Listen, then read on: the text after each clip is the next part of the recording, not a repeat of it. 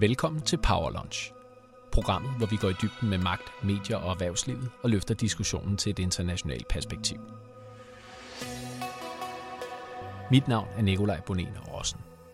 Jeg driver til hverdag et PR-bureau med internationalt udsyn og har taget udtrykket Power Lunch med hjem fra The Four Seasons Restaurant på Manhattan, hvor det siden 1979 har været brugt til at beskrive og institutionalisere frokostmøder mellem indflydelsesrige individer. Vi er på restaurant Marshall på Hotel Dagneterre, som har givet os lov til at optage denne serie podcast på stedet. Konceptet er Candid Conversation, det vil sige åbenhjertig samtale over tre retter med, og med hver ret tager vi hul på nye samtaleemner. Programmet er tilrettelagt af Annette Halstrøm. Velkommen til.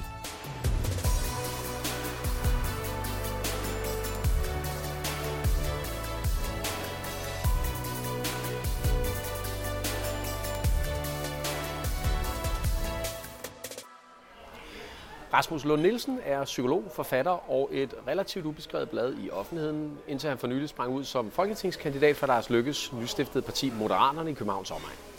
Han har i den forbindelse udgivet bogen Revolutionen fra midten med undertitlen Hvordan vi glemte at have øje for det vigtige i dansk politik og hvordan vi får det. Der er udgangspunktet for hans egen politiske verdensanskuelse og anviser blandt andet hans bud på, hvordan vi politisk kan løse problemet med den stigende mistrivsel blandt børn og unge, og argumenterer overordnet for nye måder at kombinere det bedste fra venstrefløjen med det bedste fra højrefløjen med en midterpolitik, der sætter fornuft i centrum.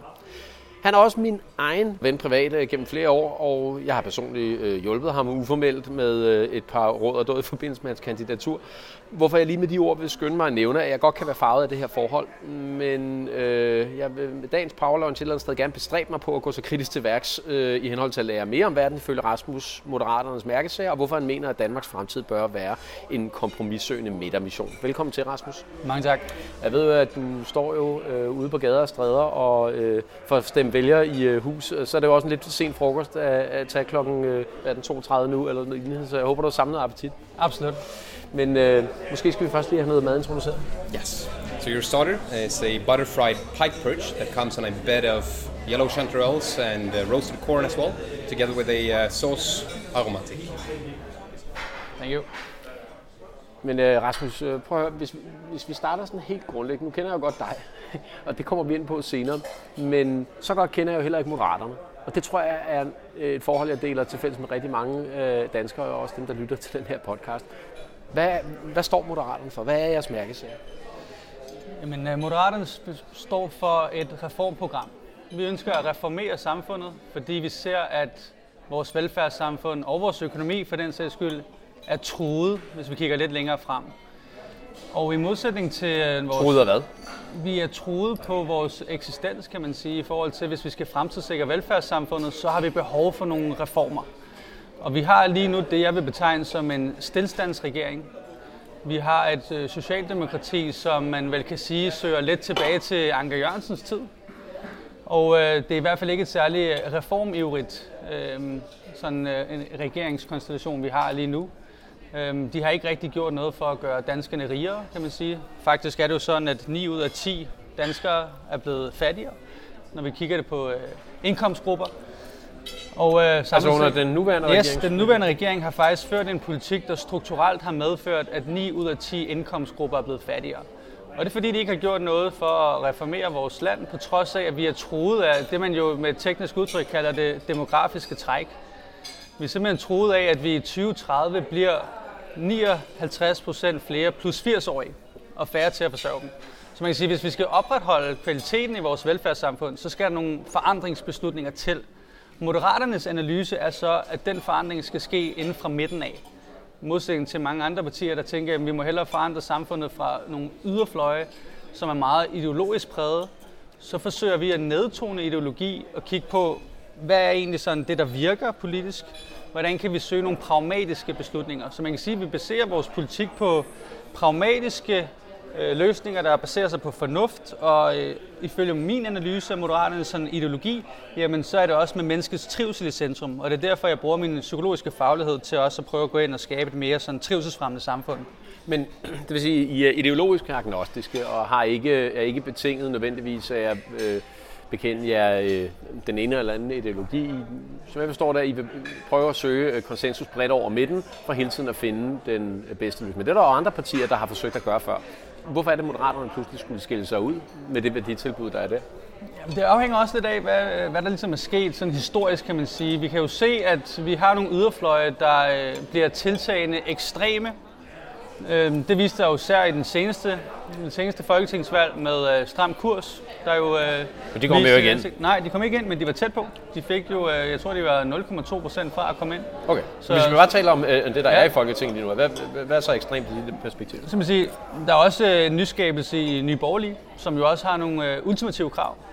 Og der var det jo, øh, Lars Lykke havde den analyse, som han beskrev i bogen Befrielsens øjeblik, at vi, øh, vi er nødt til at øh, os yderfløjene, hvis vi skal skabe nogle reelle forandringsbeslutninger. Og det var jo også informeret af den regeringsperiode, han netop havde været igennem, hvor han var blevet lagt i politisk benlås af den splid, der var mellem Liberal Alliance og Dansk Folkeparti. Og det er helt tydeligt, at et parti som Dansk Folkeparti, de er jo ikke super reformivrige. Så hvis man vil lave de her øh, forandringsbeslutninger, så skal det være uden at yderfløjene dikterer det og gissetager politikken. Som, øh, som jeg så ske i den sidste regeringsperiode, der var under Lars Lykkes ledelse. Der så vi blandt andet, at han fremlagde i 2016 en helhedsplan, som ville have rustet vores økonomi til at være altså, langt bedre øh, sådan, det stormvær, som vi jo er i nu økonomisk, hvis den var blevet gennemført. Fordi men, men, men det kan man jo sige, Rasmus, det er jo... Øh det er jo nemt at sige en hindsight. Det ved vi jo ikke, hvad der ville være sket, øh, hvis han havde fået den øh, gennemført. Nu, nu er vi i øh, den situation, hvor vi er. Der er også nogle eksterne faktorer, der presser sig på. Jeg tror, vi, det er ikke en overdrivelse at sige, at vi verdenshistorie står i et af de mest komplicerede tidspunkter, i hvert fald i det 21. århundrede. Øh, og udenrigspolitisk øh, eller, øh, har det, det har aldrig været mere relevant at interessere sig øh, for lige præcis det, øh, eller den del af politikken øh, i øjeblikket. Og der synes jeg ikke, at man har set noget fra Moderaterne øh, i øjeblikket. En ting er øh, fordelingspolitik øh, og, og velfærds- og sundhedspolitik. Det er noget, I går ind for. Hvordan, øh, hvordan ligger I der øh, i forhold til udenrigspolitik øh, og, øh, og den store verden omkring jer? Man kan sige, at Lars Lykke har jo egentlig i mange år, også før man indgik det her nationale kompromis, som jo egentlig ikke var et kompromis. Det var bare øh, fire gamle eller fem gamle partier, som besluttede, at nu skulle vi bruge 18 milliarder ekstra om året på forsvaret, uden at anvise, hvordan vi skulle finde finansiering til det. Så det var egentlig ikke rigtig noget kompromis, men man kan sige, lang tid før det har Lars Lykke jo agiteret for, at vores forsvar var i en ilde forfatning, og at vi skulle styrke vores forsvar, fordi vi var troet af, af nogle trusler, øh, også internationalt set. Så, øh, men hvordan vores sådan præcise position er udenrigspolitisk, andet end at jeg ved, at, at Lars Lykke virkelig kærer sig om det danske forsvar, det, det tror jeg endnu, at vi skal have formuleret. Vi er jo kun fire måneder gamle som parti. Godt, så, så, det er ikke, så det er ikke der, hvor I virkelig vil slå jeres folder? Mm, det kan godt være. Det jo tiden vis. Ja, men nu taler I her i valgkampen. En, en, nej, ikke, ikke i valgkampen. Hvad, hvad, hvad er det så, I vil profilere jer på her i valgkampen? Det er vores konkrete reformer. Jeg kan nævne nogle forskellige reformforslag, som vi, øh, vi har fremlagt. Blandt andet vores uh, sundhedsudspil, der kom senest. Altså, vi vil blandt andet gerne nedlægge regionerne. Og det er vi faktisk det eneste, der egentlig vil. Men uh, det er egentlig ret problematisk, at vi bruger omkring 10 milliarder om året på uh, at parallelt administrere fem regioner. De her fem regioner, de skal alle sammen uh, genopfinde det dybe tallerken. Det vil sige, det er et mellemlederlag i virkeligheden mellem øh, centraladministrationen og det kommunale? Ja. Yes, og det er derfor, vi har en analyse af, at vi skal nedlægge de her fem regioner og få et samlet sygehusvæsen i Danmark. Vi har, vi har 5,8 øh, milliarder mennesker i en, en verden af snart 8 milliarder. Og så er spørgsmålet, altså giver det mening, at vi sidder i øh, fem små provinser og, og prøver at skabe selvstændige sundhedsvæsener med hver deres IT-systemer osv.? Hvorfor ikke bare lægge det hele sammen til et effektivt sygehusvæsen.dk? Fordi problemet med den måde, vi har indrettet os på nu, det er, at det skaber geografisk ulighed i sundhed. Øh, du kan simpelthen du skal tage til den ene øh, del af landet for at blive øh, behandlet for givende lidelser, som, som egentlig bare kunne sørge for at have centraliseret. Så, så man kan sige, det er også en, en måde at, at bespare noget administration på, noget byråkrati på, og det er noget af det, vi er optaget af. Vi vil gerne pseudoarbejde til livs, vi vil gerne byråkrati til livs, og det er også derfor, vi har et andet reformforslag, som handler om... Godt, det var sundhedsudspillet. Det andet yes, reform er? Det er det, vi kalder en forvaltningsreform. Ikke et særligt uh, sexet navn. Det kan også godt være, at det skal gennem en øh, rebranding. Det kunne være noget, du kunne bidrage til at hjælpe os med. Men, øh, men i hvert fald så handler det om, at vi øh, frisætter vores øh, nære velfærdsinstitutioner. Vi simpelthen lader dem øh, blive ledt lidt som private virksomheder. Øhm, og her men, taler men, vi om øh, hvad, børnehaver og institutioner? Yes, den lige præcis. Øh, skoler. Øhm, men, men hvor vi simpelthen siger, øh, de skal stadigvæk være offentligt ejet. Så vi kommer til at indføre en helt ny øh, selskabsform, som vi kalder offentlige selskaber mm. som svarer til at et, et selskab, der kan drifte som øh, privat virksomhed, men stadigvæk offentligt ejet, så det ikke trækker en masse profit ud. Øh, Og det betyder, at de får meget mere, det bliver meget mere, det er jo en decentralisering. Det betyder, Og det er alt fra et uh, kraftvarmeværk til en børnehave, der skal indgå som det. Det er de nære velfærdsinstitutioner, okay. så det er, dem, det er det borgernære velfærd. Så det kunne være daginstitutioner, skoler og den slags. Og problemet med driften af dem i dag er rent teknisk, enlighten me her. Hvad, hvad er problemet med, med den selskabsform og den driftsform, de har i dag? Problemet med det er, at de øh, lige nu skal leve op til en masse proceskrav, som kommunen stiller. Det vil sige, at de skal tiden kigge sig over ryggen og kigge på, hvad er det egentlig, kommunen øh, tænker om det, vi gør. Gør vi det godt nok i forhold til kommunen? Og det er meget baseret på processer i stedet for på resultater. Hvad er det for en øh, værdi, vi skaber for borgeren? Og det vil, det vil vi have. Vi skal kigge okay, udad mod så et borgeren. aktionærfokus, som man så må sige. Ja, vi vil gerne have nogle lokale bestyrelser, forankret af måske, lad os sige, en skolebestyrelse, der måske har en, øh, en rektor fra det lokale gymnasium, dem der skal aftage skoleeleverne, hvor de kan sige, jamen, øh, fungerer, hvad fungerer, hvad fungerer ikke, øh, og måske er nogle forældre osv., men hvor de har en meget større beslutningskraft, end de har i dag. Så det er også et forsøg på at sige, lad os prøve at nedtone noget af den beslutningskraft, som kommunalpolitikerne har. Og så sige, jamen, øh, lad os hellere lade det være mere lokalt forankret, fordi de ved, hvad det er, der... der Jamen er det ikke netop lokalt forankret, hvis det er kommunalpolitikerne, der står for det? Eller øh, taler du om herned, helt ned på institutionsniveau yes. og lader dem selv om? Godt. Yes, lige præcis. Så det er et, øh, et skridt længere ned i det lokale. Godt. Det var det andet øh, øh, udspil, jeg havde. Så er det tredje, sagde du? Ja, vi har også en øh, SU-reform, som jeg personligt selv er meget begejstret for. Jeg synes, den er på alle måder øh, genial. Vi går ind og siger, at vi omlægger en del af SU'en til lån, men vi gør det på en måde, hvor at ingen studerende skal bekymre sig om, hvorvidt de kan betale den her lån, øh, det her lån tilbage, så længe de sørger for at, at komme ud på arbejdsmarkedet efterfølgende. Fordi så giver vi nemlig en skatterabat, det vi kalder et uddannelsesfradrag, hvor deres gæld en til en bliver tilbagebetalt i øh, kraft af, at de har et arbejde. Okay, så det vil sige, at man øh, øger fradraget for på den måde, at, øh, at det, de, øh, det, det, de sparer i skat, tilsvarer så øh, det, de skal betale tilbage på Lige lån. præcis. Og grunden til, at vi gør det, det er, at vi faktisk, mange er ikke klar over det her, vi bruger en halv milliard om året på udenlandske studerendes SU. Og fire ud af fem af dem rejser tilbage til deres hjemland lige efter, okay. at de har øh, gennemført den. Så vi har verdens mest generøse SU-system. Faktisk giver vi, sige, SU, ja. vi giver SU mere end Norge og Danmark gør til sammen. Hvorfor ikke prøve at retænke det? Hvor vi siger, at det, det giver noget, vi har den her social mobilitet, hvor vi giver SU, og man tænker, at jeg skal ikke bekymre mig om, om min økonomi, når jeg er under uddannelse. Men, øh, men det er bare ikke øh, særlig fordelagtigt, at vi inviterer en masse mennesker her hjem, som faktisk smutter øh, hjem til deres hjemland efterfølgende. Vi vil gerne have, at de bliver her. Og lige, det skal måske lige indskydes. Den nuværende regering har besluttet, at de har faktisk allerede i år lukket 4.000 udenlandske studiepladser ned. Og det er jo en, et kæmpe trussel mod altså vores internationale studiemiljø, og det er også øh, en trussel mod at sikre øh, arbejdskraft. Fordi at, men altså, hvis vi siger, at de slet ikke kan komme til landet, jamen, så er det klart, så er der heller ikke nogen af dem, der tager et arbejde efterfølgende. Hvis vi derimod siger, at I må gerne komme her og studere på vores gode universiteter, men I skal lige blive nogle år og arbejde efterfølgende, så, øh, så er det jo en kæmpe fordel for vores øh, mangel på arbejdskraft og for vores internationale studiemiljø. Godt, altså det, du siger der med de her tre øh, reformudspil, der er sundhedsudspillet i forhold til et opgør med regionernes sundhedsvæsen, der er et opgør med de øh, lokale nære institutioner, og så er der et opgør med SU. Ja, og så har vi også et, øh, en skattereform. Okay. Så er det fire, øh, så kommer vi op på fire, men fortæl Yes, yes, yes. Og øh, det er simpelthen, øh, vi er i Moderaterne meget optaget af, at vi skal øge vores velstand. Som jeg også skriver i min bog der, som du øh, nævnte i introduktionen, så, øh, så, så er jeg meget interesseret i, i den her bog, at finde ud af, hvordan kan vi skabe et mere trivselsfremmende samfund. Fordi det er simpelthen et gigantisk problem, at der er så mange, der mistrives. Og det er jo øh, virkelig en stigningstakt, som man ikke kan blive ved med at fortsætte. Øh, og jeg analyserer så, jamen, hvad er det egentlig velstanden? En, en nations velstand, hvad betyder det for vores betingelser for at trives? Og det betyder enormt meget. Og der er rigtig mange partier i dag, som ikke vil anerkende den betydning. Vi har for eksempel på den yderste venstrefløj et parti som Alternativet, der vil øh, simpelthen sænke vores arbejdstid med 20 procent, selvom at det koster i omegnen af 300 milliarder årligt på vores øh, velstand. Og så har vi nu øh, nogen, der overbyder dem, Fri Grønne, som siger, at vi skal ned på øh, 30% øh, mindre arbejdstid, som jo så vil betyde endnu flere øh, 100 milliarder i øh, velstandsdestruktion.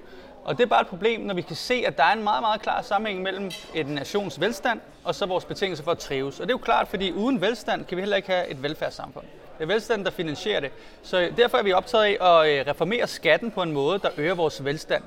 Og det er, vil vi blandt andet gøre ved at sænke den på investeringer og på arbejde. Og så kan vi øge den på sådan noget som CO2, usund fødevare. Vi mener, at øh, tobaksafgiften kan gå op. Øh, og så vil vi faktisk også gerne flytte noget af beskatningen fra borgeren over til virksomheden. Hvor vi ved i dag, at 8 ud af 10 skatter bliver betalt af borgeren, mens kun 2 ud af 10 bliver betalt af virksomheder.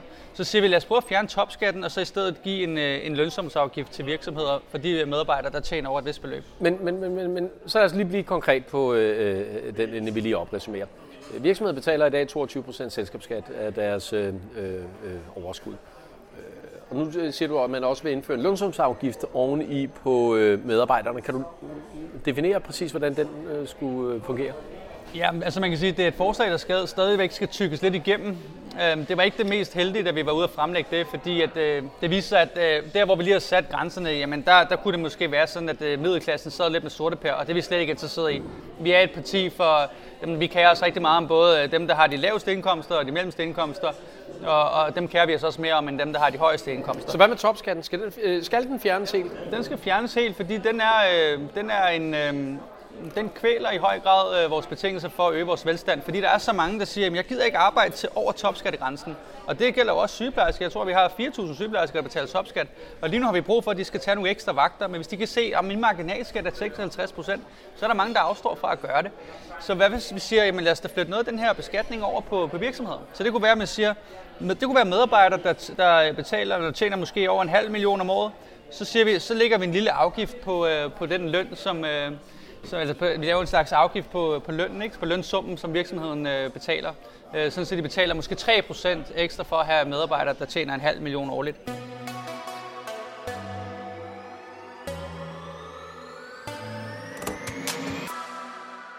Det var så i hvert fald den, det fjerde reformudspil, du kom med, og øh, det rubricerer du som et, et, et, et skattereformsudspil, men du var jo så også inde på øh, nogle øh, omstændigheder omkring den mentale sundhed og trivsel, som jeg ved er noget, du selv har beskæftiget dig meget med professionelt, øh, ikke mindst kvæg dit arbejde som psykolog, litterært. Øh, du har skrevet en bog omkring øh, håndtering af stress, øh, og jeg kunne forestille mig, at der også i din seneste bog, Revolution for Midten, indgår øh, øh, et kapitel, om end ikke, øh, omkring øh, hele det perspektiv.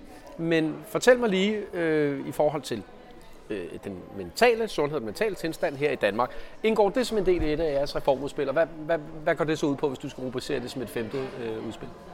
Mm, man kan sige, at alle de reformer, vi laver, det er jo med henblik på at, øh, vil jeg mene, øge betingelserne for, at mennesker kan trives. Hvis vi bliver mere velstående, så bliver det lettere at trives. Hvis vi reformerer vores offentlige sektor, sådan så vi fjerner noget af byråkratiet for både sygeplejersker, pædagoger, lærere, så får de også mere trivsel i deres arbejde.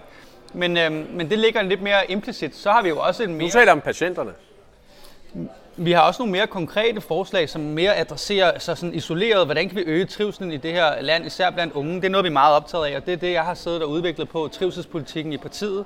Og der er vi bekymret for, øh, at unge mennesker lige nu lever på en måde, og det er sådan set ikke deres skyld. Det er en kultur, der bliver skabt, men de lever på en måde, de har en livsførelse, hvor det er rigtig svært at trives, fordi deres ressourcer bankes i bund, og det vil jeg gerne uddybe, hvad jeg mener med. Men vi kan for eksempel se, at hver tredje 13-årige dreng bruger over 30 timer om ugen på at spille computer. Hvad? Det er rigtigt, det er en, det er en ret vild statistik. Og det er også derfor, jeg nævner den overalt, hvor jeg kommer. Fordi hver tredje 13-årige dreng bruger over 30 timer om ugen på at spille computer. Jamen det kan du da ikke nå. Altså. Nej, men der er 168 timer på en uge, så du har ret. Altså, det er det meste af deres fritid for, for hver tredje dreng, så godt nok ikke. Så, godt, så det vil sige, at øh, lad os bare sige, at man sover vel øh, og på det tidspunkt det er jo mere end en tredjedel. Altså, øh, ja, lad os bare sige en tredjedel bare for at være ja, rough. Ja, så du har lidt over 100 timer vågne timer. Ja, 110 timer eller sådan noget lignende. Så går de i skole, øh, hvad, 40 timer om ugen eller sådan noget lignende? Ja, lidt mindre tror jeg, men, men ja men øh, med lektier også. Så ja, det er en stor del af deres fritid, der går med det her. Ja, det er øh, det svarer til øh, jamen, øh, tre, tre timer om dagen, jo, tre-fire timer om dagen. Yes, og øh, dertil kommer jo så Netflix og andre ting, så, så det er ret vildt. Det er kun computerspil? Yes, og, øh, og øh, 15-årige piger, der ser vi, at hver fjerde bruger et tilsvarende antal timer bare på at være på sociale medier. Ja. Så altså, øh, hvad betyder det så? Jamen, det betyder jo, at det her, den her tid, den fortrænger jo tid til øh, bevægelse, vi ved, at WHO siger, at 8 ud af 10 unge bevæger sig for lidt. Det fortrænger søvn, som måske er noget af det allermest problematiske i forhold til det her, jeg nævnte med at have ressourcer. Det er sådan en teknisk term, vi bruger inden for øh, stresslitteraturen, hvor vi mener jo, at øh, det, der er mest dokumentation for, det er, at stress opstår, når de ressourcer, der er til dig, er større end de, øh, øh, de krav, der er til dig, er større end dine ressourcer. Så det betyder, at hvis, øh, hvis der for eksempel er et krav om, at du skal lave nogle lektier, du skal bestå nogle eksamener, men du har kun øh, så mange timer til at nå det, og du har kun så meget energi og overskud. Det er dine ressourcer, der mangler i forhold til dine øh, krav. jamen så vil de her krav stresse dig. Og hvis du, hvis du kommer i skole og øh, ikke er veludvilet, du har sovet for lidt, så ved vi, at din, øh, din stressrespons, altså vi har jo alle sammen en evne til at kunne igangsætte udskillelsen af stresshormoner, over, når vi står for et krav, jamen det er hyperaktiveret. Det vil sige, at unge mennesker de har meget lettere ved at blive stresset, end de havde tidligere. Og det skyldes blandt andet, at de sover for lidt. Vi ved, at 78 procent af de ældste skoleelever møder træt ind i skole. Så det betyder også, at de ikke kan lære noget. De vil i hvert fald ikke lære så meget, som øh, hvis de var veludvilet. Men er det, må man lige spørge noget, er, er, er det moderaternes ansvar, er det politikernes ansvar øh, i det hele taget at skulle tage stilling til det? Det synes, jeg, det synes jeg er et super godt spørgsmål, fordi at det, det er klart... Er det ikke forældrenes? Øh, er det ikke, øh... enig, der er et kæmpe ansvar, der påviler forældrene her. Men øh, man kan også sige, at hvis man er superliberalist, så er det jo klart, at så, øh, så er det jo penge mod politikernes ansvar, det her. Og det er også derfor, vi ser et parti som Liberal Alliance, der lige nu faktisk markerer sig i trivselsdebatten på den måde, øh, at de siger, det her det er ikke noget, politikerne skal gøre noget ved, det er et kulturelt problem. Men fordi vi jo i Moderaterne ikke er sådan ultraliberalistiske og mere kaos om, hvad er det, der virker, og hvad er det, der kan øge betingelserne for, at vi mennesker trives, så tror jeg, vi godt at gå ind og spørge, hvad kan vi gøre? Hvordan kan vi ændre rammerne, så uh, vi måske mindsker nogle af de her trivselsproblemer, Hvordan kan I så det? Hvad, hvad, hvad er løsningen så derpå? Hvordan får vi folk til at spille mindre computer og se mindre sociale medier? Mit forslag er, eller Moderaternes forslag, det er, at vi går ind og laver en sådan sund regulering. Det er i hvert fald det, jeg beskriver i min bog. Øhm, det skal selvfølgelig også lige uh, disclaimes, at det ikke er nødvendigvis noget, Moderaterne endnu har købt 100% ind på. Men, men mit forslag, det er, at, uh, at vi regulerer skærmbrugen på en måde, hvor vi ikke bliver super formynderiske og siger, jamen øh, vi dikterer, hvornår unge mennesker går i seng, fordi det er vi slet ikke interesseret i. Det vil jo være kinesiske tilstanden. Det er meget sjovt. Lige en, en sidebemærkning. I Kina, der har de faktisk dikteret, at du må ikke, øh, øh, du må ikke spille computer mere end tre timer om ugen.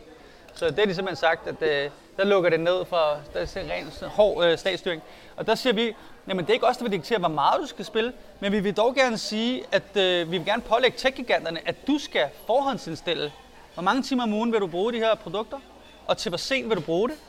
Og så når den tid er brugt op, så lukker det ned af sig selv. Så hvis du er et øh, barn, så skal det være dine forældre, der indstiller den her grænse her, og der kunne være en eller anden automatisk indstilling omkring det. Men vi vil gerne have, at det ikke er dine umiddelbare impulser, der får dig til at blive ved med at se Netflix til kl. 2 om natten, eller spille computer til kl. 2 om natten. Jamen er det ikke, øh, Rasmus, er det, Men det ikke... lukker ned af sig selv. Jamen Rasmus, er det ikke øh, måske en lidt øh, vild grad at detaljstyre, hvordan, øh, øh, hvordan, hvordan, hverdagen, hvordan hverdagsforbruget øh, og hvordan dine vaner skal indrettes. Er det, er det virkelig øh, politisk domæne at skulle gå ind og øh, øh regulere øh, på, hvordan tech-giganternes produkter ser ud? Ja, men vi siger jo egentlig bare, at det er dig selv, der skal have lov til at bestemme det. Så vi vil gerne have, at du indstiller en grænse for, hvor meget tid vil du bruge på skærmen. Allerede nu har øh, iPhones en skærmtidsindstilling, hvor du kan sætte en grænse for, hvor meget du vil bruge det. Problemet er, at man bare kan sige, ignorer grænse, og det er det, alle gør. Så jeg tror bare, at vi bliver nødt til at tale med hinanden om, altså det, det, det er en, øh, en relativt ny opfindelse. Øh, den har kun været værmandseje i hvad, 15 år eller lignende. Vi er nødt til at spørge, hvad gør de her smartphones ved vores betingelser for at trives, i hvert fald vores børns trivsel? Og er det ikke, kalder det ikke på noget politisk indgriben, når vi, vi ser, at hver anden unge øh, mistrives? Og, øh, og der er det helt klart for mig, og det har også været nogle, nogle studier her for nylig faktisk. Jeg var i en dialog med, øh, eller jeg var i et interview med Imran Rashid, der jo også har markeret sig meget på det område, læge, skrevet bogen Sluk. Øh, jeg, jeg talte med ham i går om det. Øh, i et interview, og, og han øh, havde blandt andet fundet nogle studier, der viste en helt klar kausal sammenhæng mellem skærmbrug og mistrivsel. Så, øh, Men findes der så ikke andre måder? Altså, jeg, jeg, jeg, jeg køber ind på øh, videnskab, og at, øh, at der er den her sammenhæng. Øh, men findes der ikke en anden måde at regulere øh, øh det på, frem for at skulle gå ind øh, og lave noget, der for mig lyder som et øh, øh detaljmæssigt indgreb i, hvordan tech-giganterne udvikler øh, deres produkter. Og for at være helt af det, så tror jeg ikke, at det, at det der har den der ønskede effekt. Nu sidder jeg bare, øh, hvis vi nu skulle være djævelens advokat og spørge omvendt, men findes der ikke en anden måde, at vi kan, øh, som ikke er så formynderisk, øh, øh, hvor vi kan inspirere øh, borgerne øh, til at, øh, at, at, at tage sig noget andet øh, jo. til? Og det vil vi også gerne. Vi vil gerne tilbyde nogle alternativer til den her meget skærmbaserede tilværelse. Og det er også derfor, vi har et forslag om en borgerpligt. Vi har et forslag om en borgerpligt, hvor vi siger, skal du ikke bruge 3-6 måneder af, af dit liv og din tid efter gymnasiet på at indgå i et forpligtet fællesskab sammen med andre mennesker, hvor du øh, bliver indkvarteret på, øh, hvad du kunne minde om nogle højskolelignende forhold, øh, og så du faktisk skal arbejde for fremtidens Danmark? At du tager del i velfærdssamfundet og, øh, og for eksempel er med til at aflaste noget af vores velfærdspersonale, som jo er enormt hårdt presset i bund. Så det kunne være øh, lidt ligesom dem, der i dag øh, idømmer samfundstjeneste, yes. som går ud og laver arbejde på øh, skifter blære på plejehjem og øh, et cetera, og øh, fejrer i vejkanten. Øh, Ja, bortset fra, at vi gerne vil måske tillægge det lidt mere meningsfuldhed i forhold til, at det ikke skal være en, en sur pligt det her. Vi forestiller os faktisk, at det her det kan være noget, der øger trivselen, fordi du både indgår i et fællesskab, øh, du får nogle nye bekendtskaber, og det arbejde, du skal lave, skal heller ikke være at måske at skifte blæ, men, men noget andet, som... øh, Men det er jo inspireret, altså det ligger implicit i termen, det er inspireret af værnepligten, at, øh, at, det, at det skal være noget, hvor det ikke nødvendigvis er for din skyld, men øh, øh, for samfundets skyld, som jeg forstår det. Og det er fordi, vi baserer det på en analyse af, at øh, der er en forrykkelse af værdierne mellem lyst og pligt. Hvad er det udtryk for, at hver tredje 13-årig dreng bruger 30 timer om ugen på at spille computer? For mig at se, er det udtryk for en lystbetonet måde at leve på, hvor man kun tænker på sine umiddelbare behov, og øh, hvad kan jeg som borger få mest mulig nydelse ud af at gøre, og ikke tænker så meget på, hvordan kan jeg som medborger være noget for andre. Og hvad, hvad, hvad har muliggjort øh, øh, den her øh, øh, løsslåbende, lystdrevne tilværelse? Jamen, jeg tror, at man skal tænke øh, idehistorisk på det, øh, så kan vi gå tilbage til 68-oprøret. Øh, vi er gået væk fra øh, pligt. Vi er gået hen imod en øh, græns, øh, grænseløshedens tyranni, som, som nogen øh, ynder at kalde det.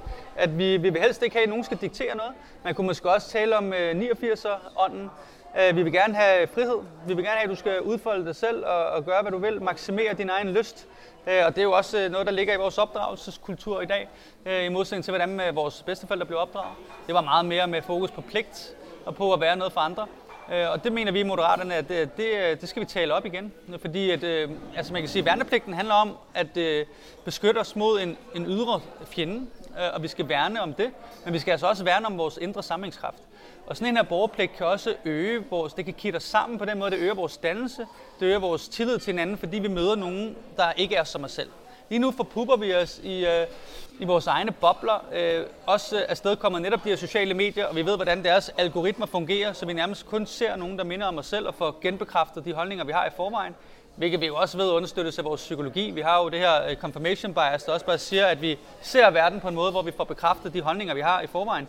Så hvad med, at vi prøver at sige, at lad os mødes lidt på mere kryds og tværs? Og der ser vi så, at den nuværende regering jo har indført per 2023, at øh, gymnasieelever skal busses rundt på en måde, hvor at, jamen, de skal øh, hvad, siger du? De skal busses rundt jo øh, i betydning, at det er deres, de, de får tvangsfordelt, øh, hvilket gymnasium de kan komme på på 2023. Det er blevet indført, og det bliver øh, på baggrund af forældres indkomst. Det er en- et forslag, som vi Moderaterne er meget imod. Vi vil ikke diktere, hvilket gymnasium skal folk gå på. Det skal de have en frihed til selv at bestemme. Det er trods alt tre år af deres liv, og hvis de har nogle venner, de har gået i klasse med i 9. klasse, og de gerne vil fortsætte med dem, så skal de have lov til det i videst muligt udstrækning. Men til gengæld kan vi så sige, kan vi så ikke ligge en 3-6 måneder efter gymnasietiden, hvor de så møder nogen, der har en anden kulturel baggrund, en anden social baggrund, og, øh, og ser noget, som øh, ikke er dem selv. Og det er i hvert fald nyt. Altså, mig, mig, mig bekendt er det uden fortilfælde, at et land vil gå ind og indføre noget, øh, eller en, en, en, en borgerpligt. Hvad, hvad baserer I jeres resonemang på, at det her ville kunne fungere, og rent faktisk øge trivselen? For det er jo det, som den samtale, vi to har her lige nu, afsted kommer af. Det var netop, at der er for mange, der sidder derhjemme og spiller computer og øh, laver andre ligegyldigheder. Øh, de skal ud og have noget frisk luft og hjælpe nogle andre mennesker at blive del af et samfund. Hvad, hvilke forudsætninger har I for at vurdere, at det her det rent faktisk kan være løsningen på det problem? Altså man kan sige, der er jo meget, meget klar dokumentation for, at hvis du bevæger dig for lidt, du sover for lidt, og du ikke får realiseret nogle af dine øh, mål i dit liv, øh, fordi du sidder og spiller computer hele tiden, så er det en direkte vej til at mistrives. Og så er det klart, at hvis vi tilbyder et alternativ til det, der baserer sig på at indgå i et fællesskab, vi ved, at fællesskabets betydning er helt afgørende for menneskets trivsel, øh, og det samtidig jo er med til også at kunne fremtidssikre det her velfærdssamfund, som vi jo talte om før, også er enormt truet, fordi at vi jo så kan gå ind og aflaste vores velfærdspersonale, som der er mega stor mangel på, jamen så begynder vi at kigge på, at det faktisk skal have en, en effekt på samfundet som helhed, der kan medføre øget betingelser for trivsel. Og derudover så er det jo heller ikke noget, som man kan sige, vi bare har taget ud af en blå luft. Der er øh, politiske filosofer, der har beskæftiget sig med det her, blandt andet hende, der hedder Martha Nussbaum, der i, øh, i øh, Frygtens Monarki hedder hendes bog, hvor hun skriver, at, øh, at man burde indføre sådan her borgerpligt, også for at modvirke den tendens til polarisering, vi ser i vores samfund. Men, men, men kritikerne, Rasmus, vil jo netop sige, at det er noget, I har taget ud af den blå luft. På den måde, jeg måde forstået, at man ønsker at etablere et parti, der kan øh, kurtisere der, hvor der er flest stemmer. Og at I så har været ude og prøve at analysere jer frem til, jamen, hvor er øh, øh de holdninger, øh, der øh, er egentlig er flest stemmer i. Altså man er gået øh, øh, øh eller markedsføringsmæssigt bevidst til det at etablere et nyt parti, og prøve at se, hvordan kan vi sikre bedst muligt, at Øh, hurtigst muligt at komme øh, i Folketinget. Hvad vil du sige til den kritik, når den bliver rejst? Den vil jeg sige, den er i hvert fald øh, ikke korrekt. Altså hvis vi skulle stemme øh, optimere eller op, maksimere, jamen, så skulle vi jo ikke have sagt, at vi øh, ikke øh, vil pege på nogen, men på noget, fordi det er der altså mange, der ikke forstår. Det er der mange, der ikke køber ind på, og mange frygter dem, så peger vi bare på Mette Frederiksen. Hvis vi skulle have flest mulige stemmer, så skulle vi bare kilde os ind i blå blok og sige, at vi er et blot øh, parti, der ikke er så ideologiske som de andre. Men vi har valgt at sige, nej, vi er faktisk et lille parti, og vi nedtoner ideologi, og vi, øh, vi vil ikke øh, lægge os fast på, hvem der skal være landets statsminister, fordi vi mener, at det skal handle om en politisk kurs. Det skal handle om et politisk projekt, der vil reformere Danmark, øh, og det skal ikke handle om øh, en persondyrkelse, som politik lige nu er blevet reduceret til. Så, så det er slet ikke stemmeoptimering, og man kan sige, at mange af de forslag, vi har, altså, det er jo faktisk nogle enormt risikable forslag. Sådan en SU-reform her, den, øh, det er jo ikke noget, der nyder spontan øh, øh, popularitet i befolkningen, og det er også derfor, at... Nej, ja, det tror jeg heller ikke, heller ikke jeres øh, idé med, øh, med det der med at begrænse skærmtid gør, hvis jeg skal være helt ærlig. Men, men nu taler du om det her med persondyrkelse, og ikke altså det er jo ufravilligt faktum, at Lars Løkke er øh, øh, galionsfiguren i det her projekt af Moderaterne. Øh, man kan jo spørge sig selv, hvad er Moderaterne uden Lars Løkke, som jo virkelig har vist sig at være en øh, politisk combat af dimensioner. Nu må vi se, øh, når det her interview udkommer, når vi kommer side af valget, hvordan resultatet ser ud. Lige nu her står I til mange mandater er det? Det kan jeg ikke engang huske. Der er en meningsmåling, der viser 17 mandater. Ja, det, det er relativt. Som er fuldstændig uhørt. Og Lars Lykke sagde for Øh, øh, et halvt eller et helt års tid siden, jeg var til med til en julefrokost med ham øh, for øh, et års tid siden, hvor jeg mener, han sagde, at det var helt utænkeligt at kunne gå hen og blive statsminister øh, igen. Og det har han jo også citeret for øh, bredt og vidt og offentligt. Og lige nu ligner det rent faktisk, at han kan gå hen og blive manden, der øh, får lov til at bestemme, hvem der skal være statsminister her blandt ham selv. Øh, nu, nu fremhæver du, at I ikke falder i de samme faldgrupper, øh, som øh, rød og blå blok gør ved at lave jeres egen øh, øh lilla øh, øh, øh, blok. Men, men, men er I ikke et eller andet sted ved at øh, etablere jer godt nok som et alternativ til rød og blå blok, men meget på de samme præmisser og forudsætninger, og hvor man ønsker i høj grad at, at, at, at fokusere først og fremmest på at gå efter magten? Nej, men det handler ikke om magten der. Det handler, om, øh, det handler ikke om den næste meningsmåling. Det handler om den næste generation. Altså, vi er nødt til at træde et skridt tilbage og kigge på, at det her samfund, det er virkelig udfordret på, øh, på mange måder, rent eksistentielt. Vi kan ikke fortsætte med at køre samfundet, som vi gør nu. Så ender vi i et samfundskollaps. Og det er også koblet til... Relativt til hvad? Det kunne jeg egentlig godt lige tænke mig at spørge, fordi, at, øh, fordi jeg ser altid ting i en global kontekst, og der, der, der må jeg jo sige, at øh, Danmark øh, ligger ret lunt i svinget til at klare sig ret godt, relativt til så mange andre nationer. Men jeg køber selvfølgelig ind på, at der er meget ressourcespil og øh, øh, mange, øh, mange lag fedt, der godt kunne skæres væk. Men det er også koblet til trivselsproblemet rent faktisk, fordi den stigende mistrivsel, altså psykisk lidelse, koster os 110 milliarder om året.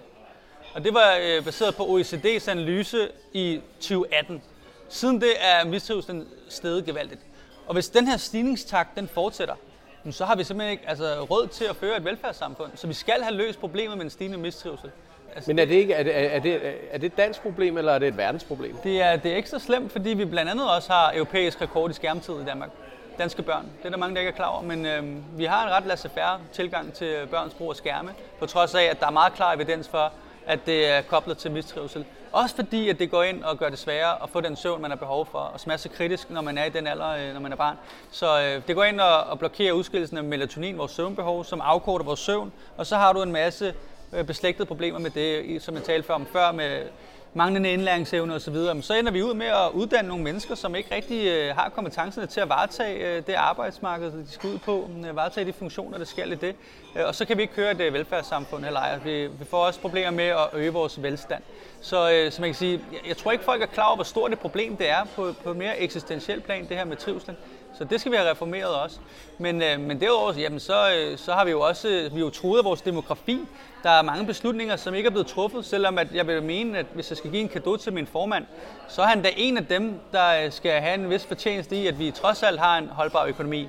På grund af blandt andet velfærdsforliget i 2006, hvor man hævede pensionsalderen i takt med levealderen, og øh, efterlønsreformen, som kom senere. Det var jo egenhændigt hans fortjeneste. Han, øh, øh, sad til sin nytårstale og sagde, at nu, nu, det var også virkelig risikabelt at sige, at vi skal faktisk øh, tale op til danskerne og sige, at vi har faktisk behov for at reformere vores efterløns, øh, efterlønsstruktur her.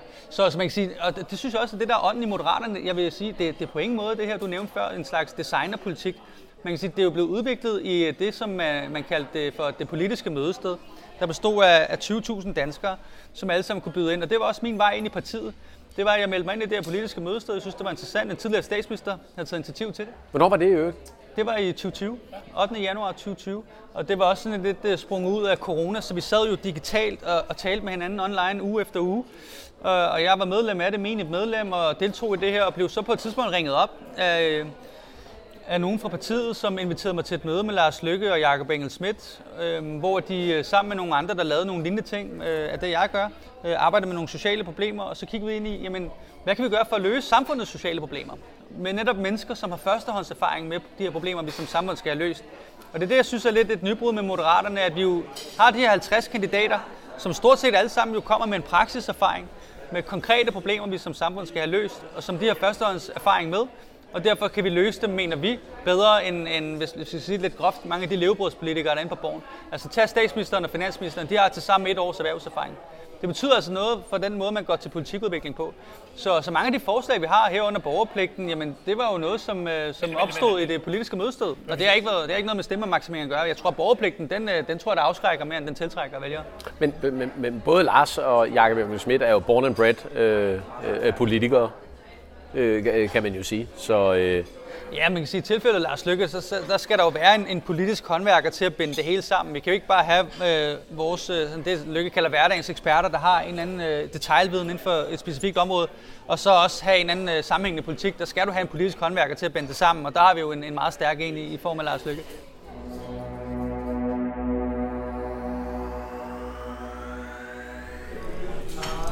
Vi fortsætter her med vores kattemørbrød skåret i tynde skiver på en bund af pompuré, puré, lidt grillet skalotløg og øh, babymajs. En lille trøffelsauce. Tak for det. Godt, det var i hvert fald øh, fem øh, reformudspil, du kom med der, Rasmus. De kom jo øh, meget i rap, og det vidner jo om, at du har også stor bevidsthed omkring både, hvad du står for og hvad Moderaterne står for. Jeg kunne godt tænke mig at prøve at zoome ind på det her med øh, den øh, ja, øh, den folkelige trivsel. Jeg tror, det var øh, øh udspil nummer 4. Øh, vi mødtes forleden på øh, Hellerup Station, hvor at øh, du stod og for at banke vælgere op, som man jo skal, øh, som øh, politisk debutant. Man skal ud og stå og øh, hilse på øh, Gud og hver mand, og du stiller op i Københavns omegn, så derfor så er Hellerup Station et godt sted at gå på.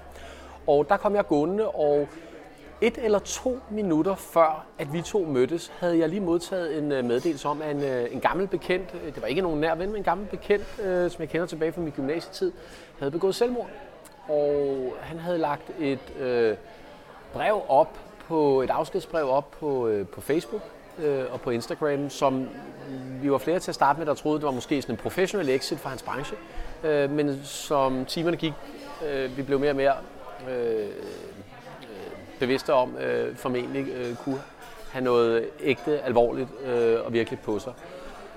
Og det får jeg så øh, at vide øh, et eller to minutter før vi løber ind i hinanden, og der, der, der kommer du og hilser på mig. Jeg stod der og var meget paf øh, omkring den situation. Men så gik det jo op for mig, at det er jo et af de emner, du beskæftiger dig rigtig meget med. Netop øh, mænds trivsel eller mænds mistrivsel, om man så må sige. Øh, Jordan Peterson er jo øh, en øh, kanadisk øh, psykolog og meget populær øh, forfatter, øh, som også har adresseret det rigtig meget. Og jeg ved, at du også har taget det op øh, i, øh, i en litterær kontekst og skrevet om det øh, i forskellige sammenhænge. Hvad vil Moderaterne gøre for at sætte en, en stopper for mænds mistrivsel? Man kan sige, det er ikke fordi, jeg som sådan isolerer mig til et bestemt segments øh, trivsel. Jeg er både optaget af unges trivsel, mænds trivsel, kvinders trivsel, men også ældres trivsel. Vi taler rigtig meget om de unges trivsel, og det er sådan set også berettiget, fordi at vi kan se, at den største mistrivsel er i aldersgruppen 16-24 årige. Men jeg synes, det er vigtigt at sige, at det er jo alle, øh, vi skal prøve at øge betingelserne for at kan trives.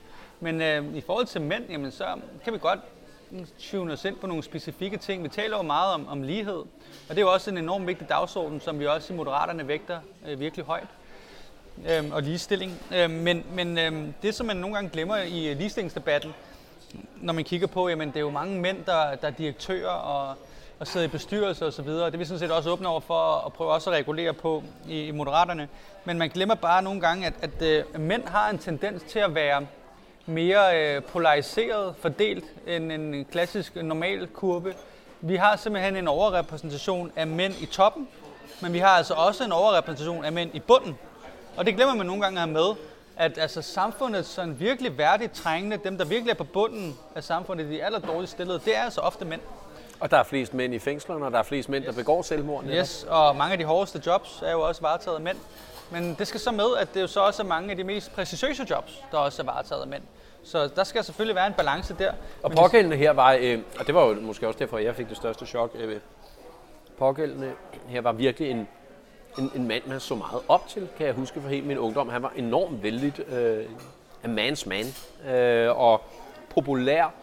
Øh, han havde sin egen Wikipedia-side, øh, og øh, var anerkendt inden for hans felt. Og derfor kom det jo, øh, øh kommer det også som et chok, når man ser, at når, når selv så begavede, så kloge, så fantastiske mennesker, som vedkommende her var, øh, kan finde på at, at, at slutte sit liv øh, uden varsel, så er det, at det for mig øh, øh, giver andet til at stille spørgsmål, hvor mange går der så ikke rundt, der har det øh, helt, helt forfærdeligt øh, rundt omkring. Og det, det ved jeg, det er noget, du ved øh, øh, noget om fra dit... Jamen, det, det er enormt interessant, du siger det der. Jeg tror, altså mange tænker, men det her trivselsproblem, er det ikke lidt opreklameret? Taler vi ikke lidt for meget om det? Men det man bare skal huske på, det er jo, at de fleste, der mistrives, de skjuler det jo. Vi kan have rigtig mange nære bekendte, som går rundt og mistrives, uden at vi er klar over det. Og det er jo fordi, det desværre stadigvæk er belagt med tabu. Og det er også derfor, at noget af det, vi i Moderaterne vil, det er at aftabuisere psykisk lidelse. Vi vil afstigmatisere det, og vi vil ligestille det med somatisk lidelse. Fordi at alle kan blive ramt af psykisk lidelse. og konkret, hvad skal det betyde? Hvordan, hvordan, hvordan, hvordan, vil, I, hvordan vil I ligestille øh, øh, psykiske lidelser med øh, somatiske lidelser? For det første indebærer det, at vi vil, vi vil retænke psykiatrien, og vi vil give et løft til psykiatrien. Det jeg talte om før i forhold til at skabe et mere trivselsfremmende samfund, det er jo på forebyggelsessiden. Men vi skal jo også sætte ind der, når at det ikke er et, et spørgsmål om forebyggelse, men når det er et spørgsmål om behandling. Og der er det lige nu meget uværdigt, det vi tilbyder folk med mistrivselsproblemer, eller der er det jo mere end mistrivsel, der er det jo decideret psykisk lidelse, for det skal man også skille mellem mistrivsel og så psykisk lidelse.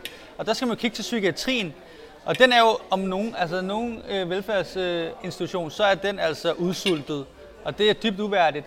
Og øh, der foreslår vi det, vi kalder altså psykiatripakker, inspireret af de ganske succesfulde kraftpakker, som jo var øh, øh, min formands opfindelse. At øh, kraftpakkerne bestod i, at man fik en behandlingsgaranti, og man fik en systematisk og øh, kvalificeret behandling. Og det skal vi overføre til psykiatrien. Øh, Fordi lige nu, sådan en måde det foregår på, der er det for usystematisk og for tilfældigt. Og det kan ikke være rigtigt, at man sidder som en ung knejt og øh, er øh, psykotisk og øh, på vej ind i fields for at lave et skyderi, og så ringer ind til psykiatrien og ikke kan få nogen hjælp. Fordi der ikke er nogen... Han skal jo ikke tale med en psykiater, ham her. Han skal jo tale med det kunne være en psykolog, det kunne også være i virkeligheden en psykoterapeut.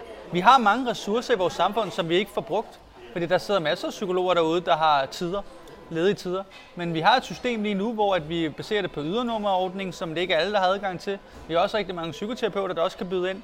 Så vi bliver nødt til at, aktivere de ressourcer, vi har, og i hvert fald sikre, at man kan få en behandling, når... når Jamen, jeg tror inden for lige præcis feltet med psykiater, der øh, øh, er mit, mit klare indtryk, at det er øh, meget få ledige hænder, der er for så at sige. Det ved jeg øh, øh, både fra min egen familie. Øh, jeg har for øjeblikket, kan jeg sige, et familiemedlem, der er øh, på det lukkede psykiatriske afsnit, øh, og er derfor velbekendt med det psykiatriske øh, øh, system her i Danmark. Øh, og det kan være enormt, enormt svært at få hjælp. Så selvom det kan være, at vi stadig har ledige hænder blandt psykologer og andre behandlere, så ved jeg, at psykiatrien, der er, øh, det kan være pænt svært at få en tid der. Og det var også det, der var egentlig min intention at sige, at der mangler psykiater. Og derfor så kan enhver, der ringer ind, jo ikke regne med at blive mødt af en psykiater i den anden ende af røret. Og derfor skal vi udvide til andre grupper, som også kan tilbyde en hjælp. Om ikke andet en at tale med, som er en fagperson, og som ved noget om det her. Øhm, så altså, jeg har selv nogle tanker om, at ja, man kan sige, lige nu er der jo en latenstid på en psykiater på 12 år. Det tager 12 år at blive psykiater. Og det kan vi ikke vente på. Så den mangel, vi har på psykiatere, den kan vi ikke bare få dækket ind af, af, af speciallæger. Og man kan også spørge, er det egentlig nødvendigt, at en psykiater har brugt 6 år, for inden at personen blev speciallæge, til at læse øh, medicin? Hvor at man jo lærer alt om knogler og hud og, og det ene og den anden del af, af kroppen. Er det alt sammen nødvendigt for at være en dygtig psykiater? Der har jeg i hvert fald en tanke om, kan vi ikke lave en eller anden form for øh, mere fast-track-agtig uddannelse til at varetage nogle af de funktioner, som en, En psykiater øh, varetager som man kunne vi kunne både give overbygninger til andre personaler, så som psykologer med deres faglighed, de er jo dygtige til terapi. De kan så øh, lære en del om, om det, der skal til for også at kunne øh, medicinere. Øh, men, øh, men det kunne også være, at vi bare havde en, en egentlig specialiseret uddannelse til at varetage det problem, vi har, som kun er i stigning, og som er behovet for øh, de funktioner, som psykiater varetager. Med at, øh, at ordinere medicin og, og med at tilbyde øh, den terapeutiske behandling, som, som psykiater også har en efteruddannelse i. Godt, men de emner, som du har øh, øh, omtalt her med de her fem reformudspil, der var, for lige at opresumere igen, der var i forhold til sundhedsområdet, så var der i øh, forhold til øh, skat, offentlig sektor. offentlig sektor, ja, så var der de, øh, de, nære, øh, de nære tilbud, øh, de kommunale. Det var, det var den offentlige sektor, ja. ja. Og det er meget vigtigt. Vi vil gerne øh, det der pseudoarbejde til liv, som virkelig bare hæmmer den offentlige sektor i dag. Ja. Og så var der i... Øh, SU-reformen der. Yes, SU-reformen. Og så var der det her med... Skattereformen. Øh, ja, skattereformen. Og så var der det her med... Øh, borgerpligt, hvis det er det, du tænker. Ja, øh, øh borgerpligten. Og så var der det her med at øh, sidestille de øh, øh psykiske lidelser med... Ja, psyki- psykiatripakker der. Yes. Hvor vi øh, siger, jamen altså, psykisk lidelse, det skal også prioriteres lige så højt som somatisk lidelse. Godt. Så, så sum it up. Det lyder for mig som om, at der hvor at jeres mærkesager reelt ligger, det er i forhold til den folkelige sundhed øh, og øh, at reformere byråkratiet øh, og så det skattemæssige. Hvilke ministerier vil du så mene var de rigtige for moderaterne at sætte sig på, hvis det nu var, at vælgerne går jeres vej, og I får mulighed for at komme i regeringen? Hvor er det, I skal sætte jer? Det er et godt spørgsmål. Det kommer også sådan på, hvem der skal sidde i det ministerium. Øh, men, øhm, men hvis vi tænker sådan en som Lars Lykke, så vil jeg jo mene, at han skal sidde i statsministeriet. Og det er jo netop, fordi han også er en så dygtig politisk håndværker, som han er. Men det tror jeg heller ikke, at, Lars Løkke er i tvivl om, at det er det, han, han, han er syvende og sidst gerne vil. Men lad os nu lige prøve at holde det nede på, på jer andre. Nå, men hvis vi tager, altså det som jeg er ret sikker på, der kommer til at ske efter det her valg, det er, at vi får en regering hen over midten. Og det bliver jo et parlamentarisk nybrud. Og det er også derfor, min bog hedder Revolutionen fra midten. Det er jo både for at sigte til, at vi står for en, parla- eller, ja, en parlamentarisk revolution, men også, at der skal være et politisk substantielt indhold, som kan reformere og i den betydning revolutionere vores samfund, sådan så at, at det bliver fremtidssikret, fordi det er det ikke i dag. Og hvis du skal have en regering hen over midten, og det skal vi jo, fordi at vi har de her yderfløje, der er både for ekstreme, og jeg har også en personlig frygt om, at vi lige nu lever jo i en ekstrem tid med kriser, som også vil medføre tiltagende ekstreme yderfløje. Det er derfor, vi har behov for at være moderate. Men hvis vi skal lave den her regering hen over midten, så kræver det også stadigvæk, at der bliver bygget noget bro, som ikke er blevet bygget før. Fordi blokpolitikken har, har øh, eksisteret i rigtig mange år. Det er jo øh, over 40 år siden, der sidst var en, en SV-regering. Så vi har behov for en, øh, en regeringsleder, som, øh, som kan bygge bro over også modsatrettede perspektiver, hvis vi skal have en, en levedygtig regering hen over midten. Og der vil jeg da mene, at, at det er den rette post at give til Lars Lykke, men når det så er sagt, så er det jo ikke den, han har grebet ud efter selv, officielt endnu. Så, så, så nej. nej det mener jeg, jeg, jeg mener allerede, at han har været ude øh, og sige, at, øh, at han godt kunne finde på øh, at pege på sig selv. det, det, det mener jeg efterhånden har fremgået et par steder fra, men måske han mere sagt, han har, han har sagt, at han har kompetencen til det. Rasmus, måske mere opsigtsvækkende. Øhm, ja, det har vi den 21. oktober. Og, det er jo min fødselsdag i dag. det vidste jeg ikke Hvor er det pinligt. Ja, men der må man bare se. Ja, det, det må du undskylde, Rasmus, fordi at, øh, og nu også for gentaget til lytterne, så er jeg jo altså også din ven, udover at jeg sidder og interviewer dig i dag. Men det er lidt flot, at jeg ikke ved, der fanger du mig lidt, og hvis man kunne se kameraet nu, så ville jeg råde med.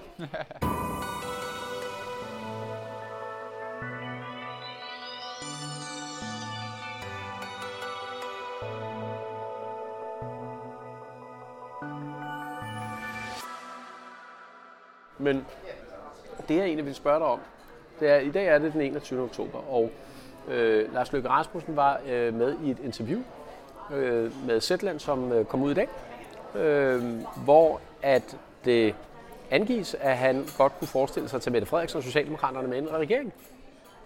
Hvad skal vi lægge det? Nu øh, har jeg jo selv øh, tænkt mig at stemme på Moderaterne netop for at blive fri for Socialdemokraterne.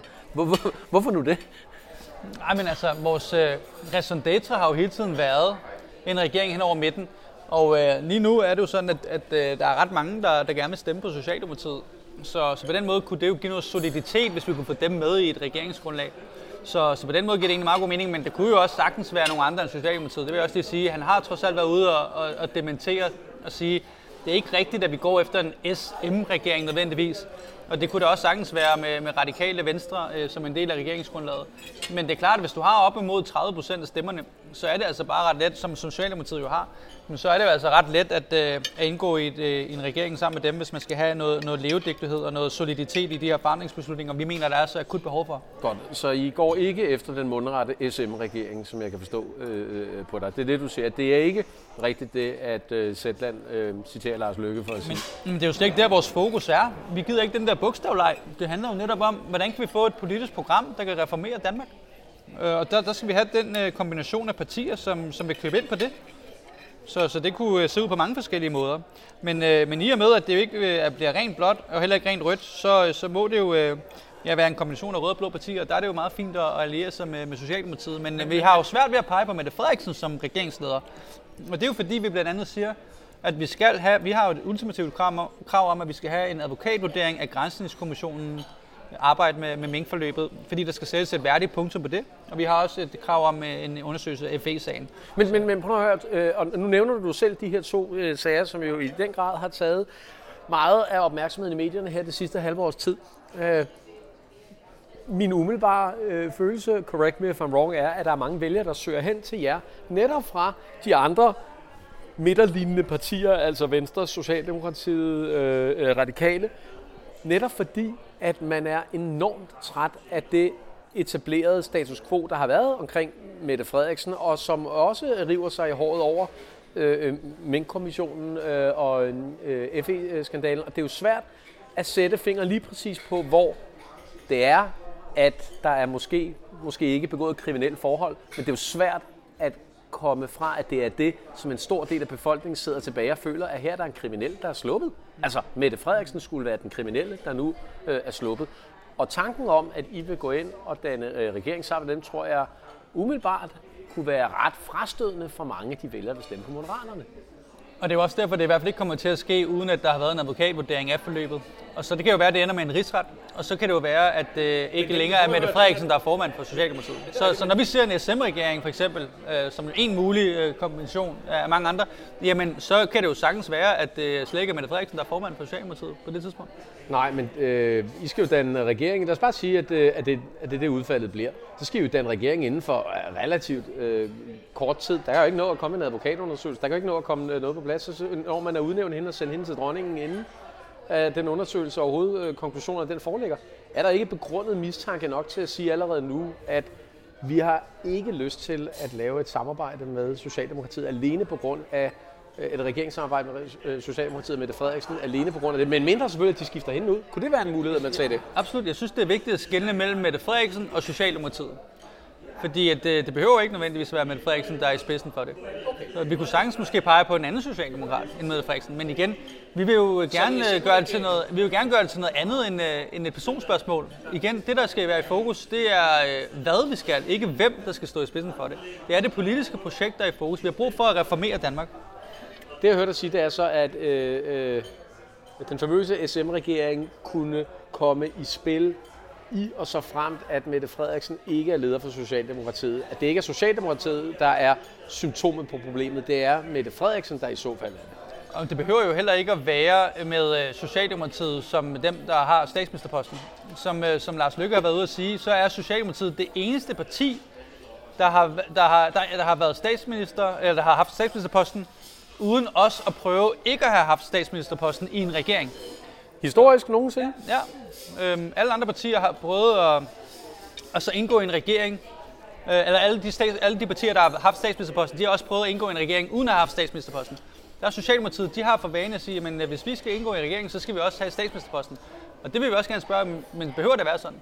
Så det kan jo sagtens være, at, øh, at øh, Socialdemokratiet bliver øh, et, et parti, der bare indgår i regeringen uden at have statsministerposten. Og det kan jo være, altså, at Mette Frederiksen bliver beskæftigelsesminister. Det har hun jo været før hvor hun jo var med til faktisk at reformere og øh, halvere dagpengeperioden og andre ting, så det kunne hun måske være igen.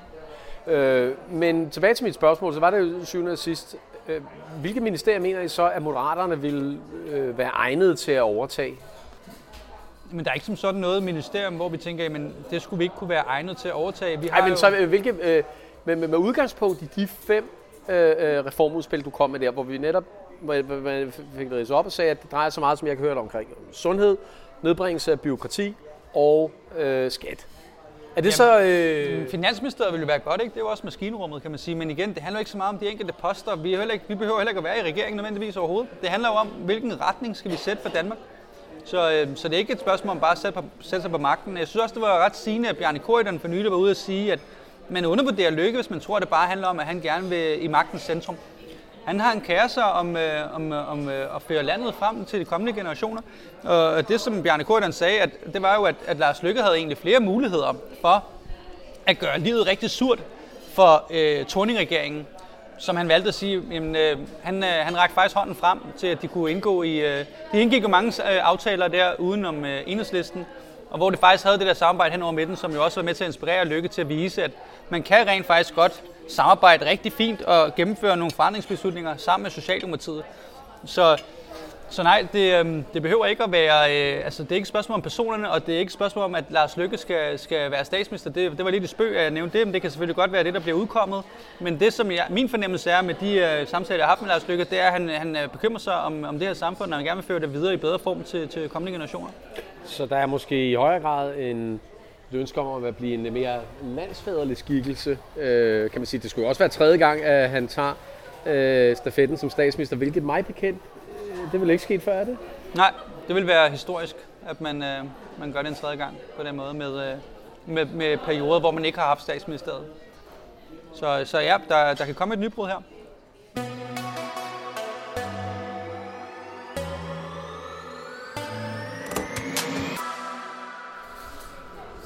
Men når man så kigger på øh, de prognoser, der er for øh, Moderaterne, I er jo stedet voldsomt i, i, i meningsmålingerne her øh, over, lige siden valgkampen brød ud. Øh, hvad tror du, der bærer den her drift frem? Jeg tror, altså Lars Lykke kom godt fra start i den første partilederrunde ved at sige nogle, nogle ting, som, som der er en konsensus om var ret fornuftige. En af de ting, jeg blev mærke i, han sagde, det var det her citat, erfaren mand er værd at gæste. Og det er jo også meget sigende, at han er jo den mest erfarne. Han har 40 års erfaring, han har været statsminister i to omgange. Men hele Moderaterne som parti bygger jo også på den idé, at erfarne folk er værd at gæste. Fordi vi jo netop kommer med den her praksiserfaring alle sammen. Vi har førstehåndskendskab til de problemer, vi skal løse. Vi stiller op med læger og sygeplejersker, der udvikler sundhedspolitikken. Vi har også en klimaforsker, der byder ind på klimapolitikken. Vi har jo psykolog i form af mig selv til, til psykiatri og trivselspolitik og så videre og så videre. Og, og det er det, som der er brug for. Og det tror jeg også, at mange danskere tænker, at vi er trætte af levebrødspolitikere. Det er det, jeg møder meget med, med dem, jeg taler med på gaden. Vi vil gerne have nogen, der har førstehåndskendskab til de her problemer, og der har erhvervserfaring og så videre. Og det tror jeg er noget af det, som, som folk er begyndt at få øjnene op for. Jeg tror også, der var mange, der slet ikke vidste, hvad vi stod for. Igen, vi er fire måneder gamle som parti.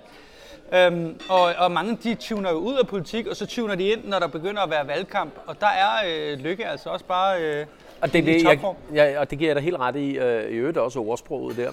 Øhm, og så kan man jo også, lige præcis den her tid, hvor øh, udenrigspolitik, sikkerhedspolitik er noget, jeg personligt interesserer mig meget for, øh, så vil jeg da, selv hvis man skal give øh, Lykke øh, en, en gave og et, øh, et ace up his sleeve øh, i kampen om en eventuel statsministerpost, Lykke har jo mødtes med Putin flere gange før. Han har forhandlet med ham, øh, og formentlig også drukket øl med ham. Og det er som bekendt ret, en, en, en ret vigtig ting, og jeg tror i, i højere grad personligt, at han vil være bedre til at kunne håndtere Putin end uh, for eksempel Mette Frederiksen. Jeg tænker også, det er en fordel, at han kender Putin personligt. Altså, det må det da være. Det er en, en, øh, en helt lavpraktisk fordel, og netop når vi nu kommer til de lavpraktiske ting, så fremhæver du også her, at den første politiske debat, øh, partilederdebat, øh, den gik øh, rigtig, rigtig godt til fordel for Lykke. Er det virkelig det, der i sidste ende skal til? Er det den showmanship, der skal til for at sway the, vælgerne? Jamen, jeg tror da, at øh, altså det, jeg møder på gaden, det er i hvert fald, alle siger, at øh, han, øh, han siger tingene roligt og fornuftigt, og øh, siger nogle ting, som folk kan relatere til, og, og som de kan forstå også. Øhm, så, så det tror jeg, det betyder meget.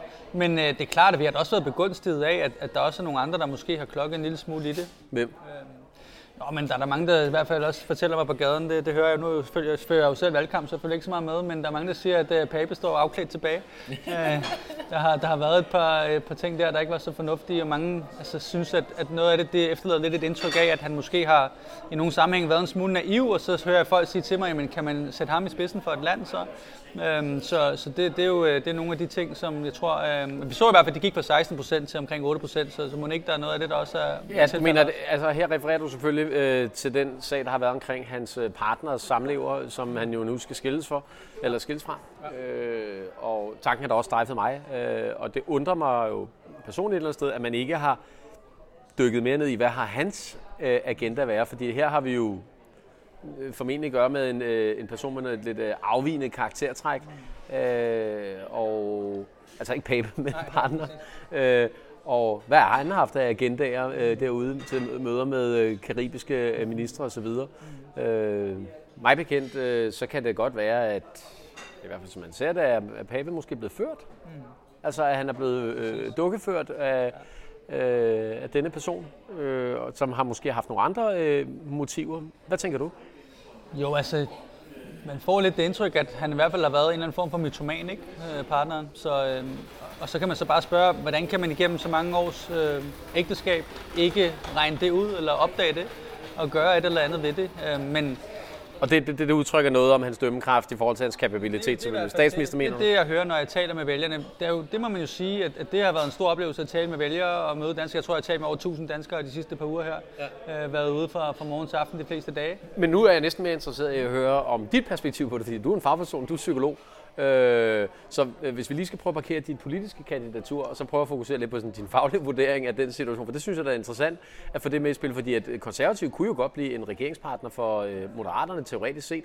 Er øh, Søren Pape, en mand, man kan sætte øh, sin øh, lid til. Er det en mand, der kan øh, lede det her land, set ud fra din faglige vurdering? Altså, jeg vil i hvert fald ikke gå ind og klæde ham uegnet på nogen måde til at indgå øh, hverken det ene eller det andet, men jeg, jeg kan bare øh, berette om, hvad mange vælgere fortæller mig, at øh, de ikke rigtig... Det, det ved jeg godt, det, det, det, ved jeg godt, det, det ved jeg godt, du sagde. Det ved jeg godt, du sagde, men jeg vil hellere høre din vurdering, Rasmus, end din, øh, en, en, en, en almindelig mand på gaden. Ham kan jeg altid gå ud og spørge. Så nu har jeg mødt Pape en enkelt gang, og der, der må jeg tilstå, at øh, jeg fik et glimrende indtryk af ham. Jeg synes, han er både venlig og, og dygtig, men, men det er da klart, at, at det er da underligt, at uh, han ikke har opdaget de her ting fra, fra eksmanden. Ja. Det, det undrer man sig over. Ja.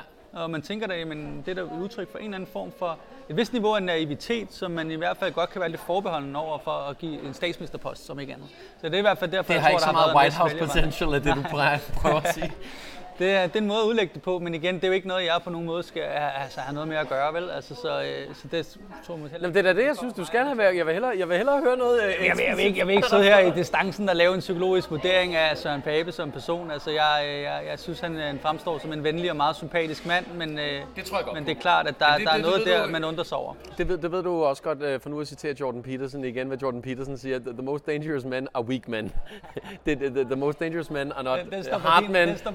It's, it's, it's weak men den står på Jordan Peterson. Det var så ikke øh, citeret øh, helt øh, en til en. Men øh, det ved jeg da også, vi to har haft øh, nogle private samtaler om, øh, du ved, øh, folk i vores omgangskreds og så videre med, øh, når man ser på øh, øh mænd, der er underlagt utroskab og øh, eller kvinder for den sags skyld, men i det her øh, tilfælde øh, øh tror jeg godt, hvilken sag du øh, ved, hvad jeg tænker på. Øh, øh, mænd, der lader sig øh, styre af øh, en dominerende øh, partner, øh, som kan øh, Øh, få vedkommende øh, ud, i, øh, ud i hampen til at gøre vanvittige ting. Er det et, øh, er det, et, øh, er det et farligt problem, det scenarie, hvis vi bare skal prøve at flytte over på det, i stedet for på Søren Pape generelt?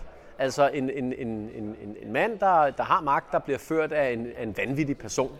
Altså, det er jo egentlig noget, der relateres lidt til nogle andre snakke, vi også har haft før, øh, Nikolaj. Fordi at det er jo lidt interessant det der med, jamen, er, øh, er Pape måske også for sympatisk? Ikke? Det kan jo også godt være, at han simpelthen bare har været lidt kørt rundt i managen og burde have opdaget nogle ting.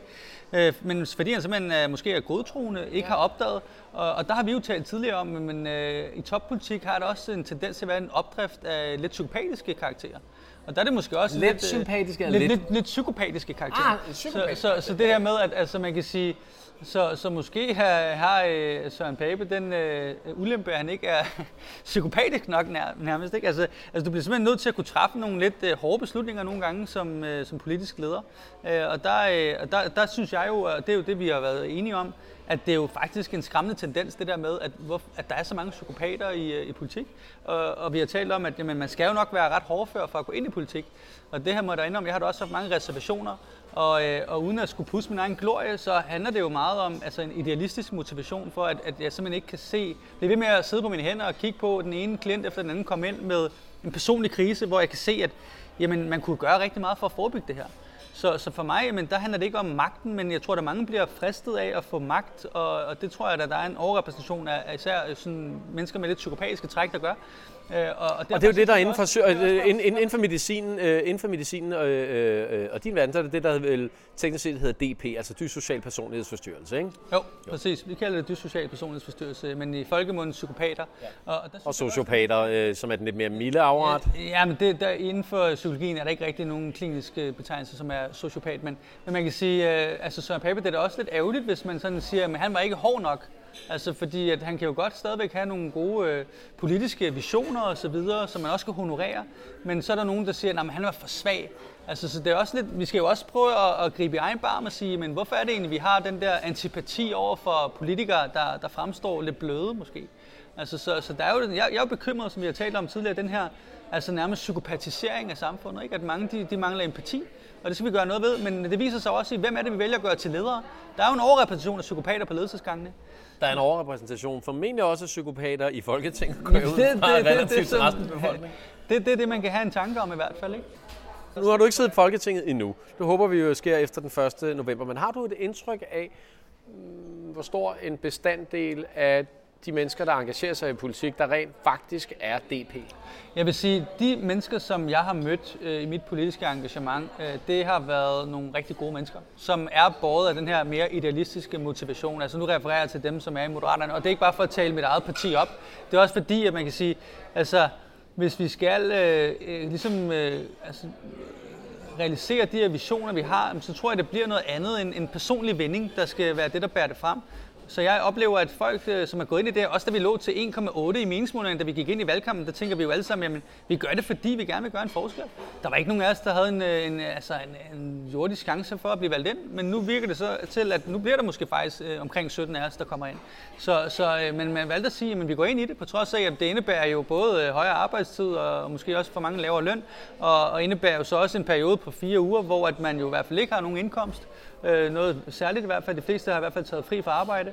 Og, men jo faktisk også egen lomme skal punge ud for at føre valgkamp. Så, så, øh, så der oplever jeg nogle mennesker, som egentlig er meget motiveret og engageret i at skabe nogle positive forandringer for det her samfund. Og det er jo også det, som, som har båret det for mig. Men, øh, men jeg har så også mødt mange andre politikere, både under valgkampen og, og også før det i forskellige sammenhænge. Og, øh, og når jeg hører folk øh, fortælle om øh, forskellige folketingsgrupper, så hører jeg da i hvert fald en del berette om, at, at øh, det kan gå meget hårdt for sig. Og at øh, det måske ikke er empatien, der er i højkurs. Hvad, hvad, hvad, hvad tror du får dig det? Jamen, jeg tror, at øh, det her med at øh, gribe ud efter magt, der er jo mange, der desværre bare vil have magten for magtens egen skyld, og det er jo også det, der... Øh, Fordi de tænder på den? Det er jo sådan lidt, det er jo meget interessant, når vi lige har talt om det der med, at det skal ikke handle om personerne, det skal handle om det politiske projekt. Det er jo det, som Moderaterne baserer sig på. Øhm, og det går jo lidt imod det der med, hvis man også øh, som person prøver at gribe ud efter magt. Og ja, der er der mange, der, der tænder på magt, det ved vi da. Men hvordan, altså, ser du det som et, øh, et udbredt problem i de andre partier, at der er en overrepræsentation af psykopater, altså at, at, at, at, at politik i højere grad tiltrækker psykopater ind i øh, arbejdsgangen, simpelthen fordi, at der er noget omkring magt, der øh, virker som blod i vandet på hejerne. Ja, og øh, jeg vil sige, det, det indebærer jo en eller anden form for, det fører til en eller anden form for mere blodfattig politik, som øh, kan blive løsrevet visionerne. Fordi du bliver nødt til at spørge, hvorfor er du gået ind i politik? Er du det, fordi du har nogle visioner for samfundet? Eller er du det for selv at få magt? Og hvis man for eksempel sådan, øh, foreslår, at når vi skal bare have et reformråd og nogle reformkommissioner og gøre, gøre dansk politik til sådan øh, teknokrati, hvor man ikke selv har nogen idéer til, hvordan vi skal forandre samfundet, så kan man jo godt stille et spørgsmål, hvorfor er du så gået ind i politik? Hvad, hvad, hvad taler du om at gøre dansk politik til teknokrati? Fordi øh, teknokrati forudsætter øh, jo netop, at det er de mest... Øh, Øh, øh, vidne mennesker og de mest øh, øh, øh etablerede, øh, akademiske øh, osv., der, øh, der bestemmer, eller er det mig, der så fejler ja, altså, man kan jo altid, Det er jo altid et definitionsspørgsmål. Hvad er teknokrati? Men altså for mig så er det ligesom, at man bare øh, drifter samfundet uden egentlig, altså, altså hvor, det, hvor det er blottet for, for visioner og, og politiske idéer. Altså Excel-aksledelse? Ja, lige præcis. Og det, det er også, der er også nogen, der ligesom uh, mistolker moderaterne som værende sådan teknokratisk, men det er det netop ikke. Vi har jo de her forholdsvis visionære reformforslag. Men, uh, altså... det, det, det vil jeg give jer. Jeg har nogle visionære reformforslag, og så det, som jeg bider mærke i, det er også, at øh, I har erfarne mennesker, som ikke nødvendigvis er levebrugspolitikere, men I har et par stykker, øh, øh, som er politiske håndværkere, og som er vant til at, øh, at drifte det maskineri. Mm. Øh, og det er det, der står at the helm of the, uh, the ship. Men det er det, som jeg forstår på dig, det er, at, at I i højere grad har en repræsentation af virkelig mennesker, rigtige mennesker. Det, som Lykke kalder hverdagens eksperter, det har fra starten af været hans vision, at han vil skabe et parti, som er anderledes end de andre. Og det, jeg hører, det er, at der har været en del etablerede politikere, der også har budt sig til og sagt, jeg vil egentlig gerne med i det her projekt, men som er blevet afvist, fordi at de øh, netop var, øh, hvad man kunne kalde levebrødspolitikere. Så hans vision med Moderaterne har hele tiden fra start været, at vi skal have folk ind fra virkeligheden, fordi vi skal lave ny politik, som bliver udtænkt med indspark fra virkeligheden. Og det er også derfor, jeg går imod det der med, at du kalder designerpolitik med henblik på stemme. Det var nu ikke, jeg, det var nu ikke mig, der brugte det begreb. Nej, men, øh, men det er bare for at sige, at det er blevet diskuteret i... Øh, altså med alle kunne byde sig ind øh, og sige, jamen 20.000 mennesker har været med til at komme med forslag til politikken, og, øh, og den er så blevet diskuteret frem og tilbage, og man har valgt de øh, løsninger, man tænkte var de bedste for Danmark. Så, så det har intet med, med stemmeoptimering at gøre, og mange af vores forslag, tror jeg, der, som jeg nævnte før, også afskrækker mere, end de tiltrækker vælgere. Men, men når det så er sagt, hvis, hvis vi, vi, vi vil gerne tale op til vælgerne, vi vil gerne... Øh, vi tør godt at fremlægge øh, forslag, som måske ikke er super let afkodelige, men hvor man lige skal, skal tænke lidt ekstra. Øhm, og, øh, og det tror jeg også er noget af det, vi bliver honoreret for. Øh, uden at nævne navne, øh, hvilke partier er det, I har fået tilflugt fra? I forhold til folk, der godt vil stille op, som I har afvist som var levebrødspolitikere? Det ved jeg så til gengæld ikke. Jeg har bare hørt, at der har været nogle øh, etablerede øh, politikere, som gerne vil være med i øh, projektet. Og er der flere, der har søgt over nu efter, I har fået så gode meningsmåler her, her i 11. Det kan time? godt være, at der sker noget øh, bag scenen, men øh, det er faktisk ikke noget, jeg har indblik i. Men jeg kan sige så meget som, at da vi gik i gang med valgkampen, så lukkede vi for, at der kunne komme nye politikere ind, øh, eller nye kandidater ind i partiet. Så, øh, så de kommer i hvert fald nok på den anden side af et valg i så fald.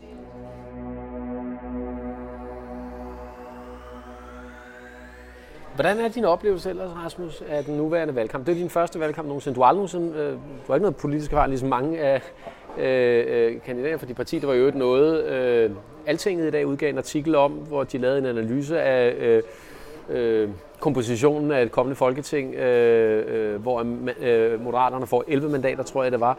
Øh, der bemærkede jeg også, at der kun var et mandat øh, i øh, Københavns omegn. Det var ikke tildelt dig, der var en anden, men øh, vi håber på, at du kommer ind uanset hvad.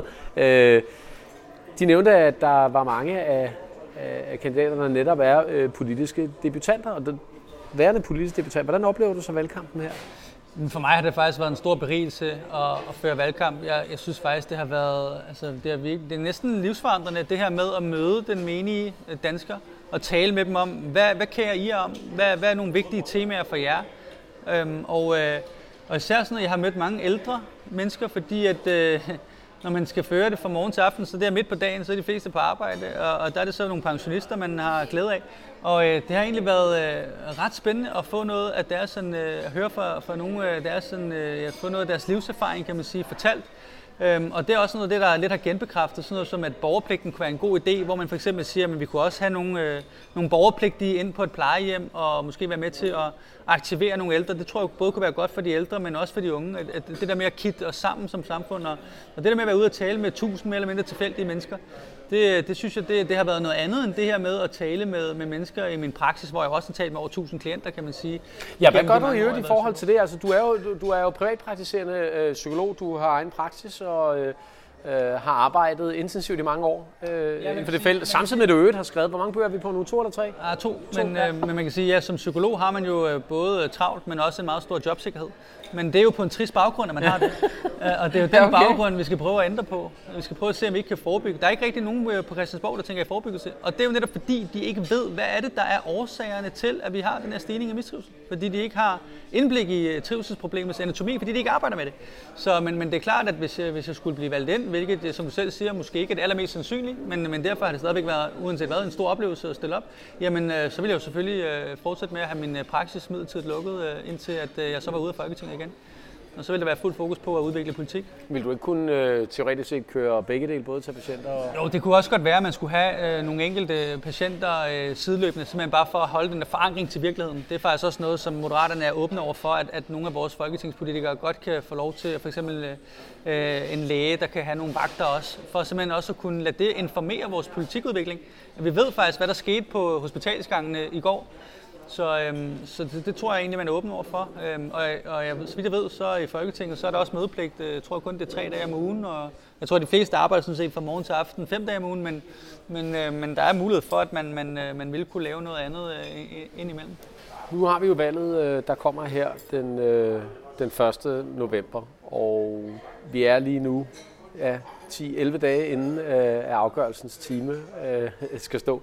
Hvad tror du bliver udfaldet af, af valget, hvis du skulle tegne det op? Fordi du er jo ikke en politisk håndværker som sådan. Du er selv en, en lægmand, en politisk debutant, der kommer ind fra sidelinjen. Men alligevel følger du øh, valget øh, indgående og tæt og kigger på de andre partier. Hvad tror du bliver scenariet, når vi kommer til den 1. november?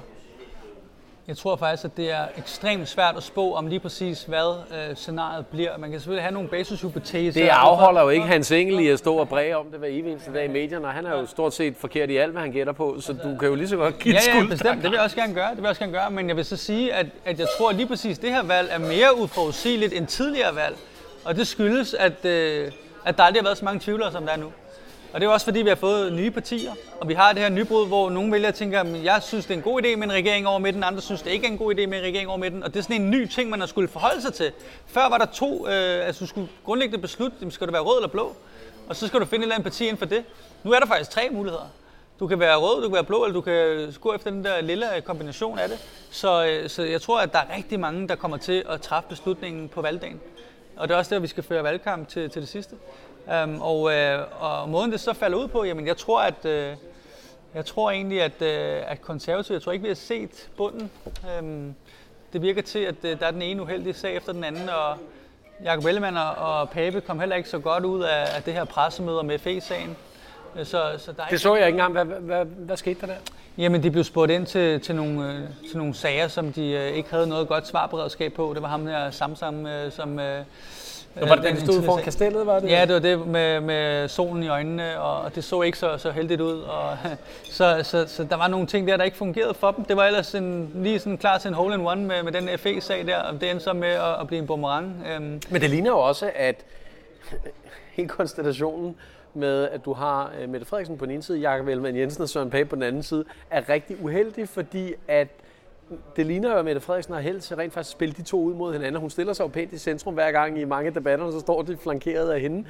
Øh, og så er det nærmest som om, at vælgerne skal få lov til at blive splittet mellem de to, mens de fleste, der ville stemme på den blok, er jo enige i, at det skal Mette Frederiksen, der er den store leder der. der og det er måske jo i sidste ende til syvende og sidst øh, en del heldigere for lykke. Ja, jeg tror også, at øh, som jeg også nævnte før, altså der, det jeg oplever, det er, at for mange er det også det, et fravalg af de to borgerlige øh, statsministerkandidater. Der er mange, der siger, at, øh, at jamen, igen det her tilbage med erfaring. Ikke? Der er ikke nogen af dem, der har, har erfaring med at være statsminister. For lige præsentere noget mad her. So here we have the dessert. We have oat, vanilla ice cream and chocolate on top.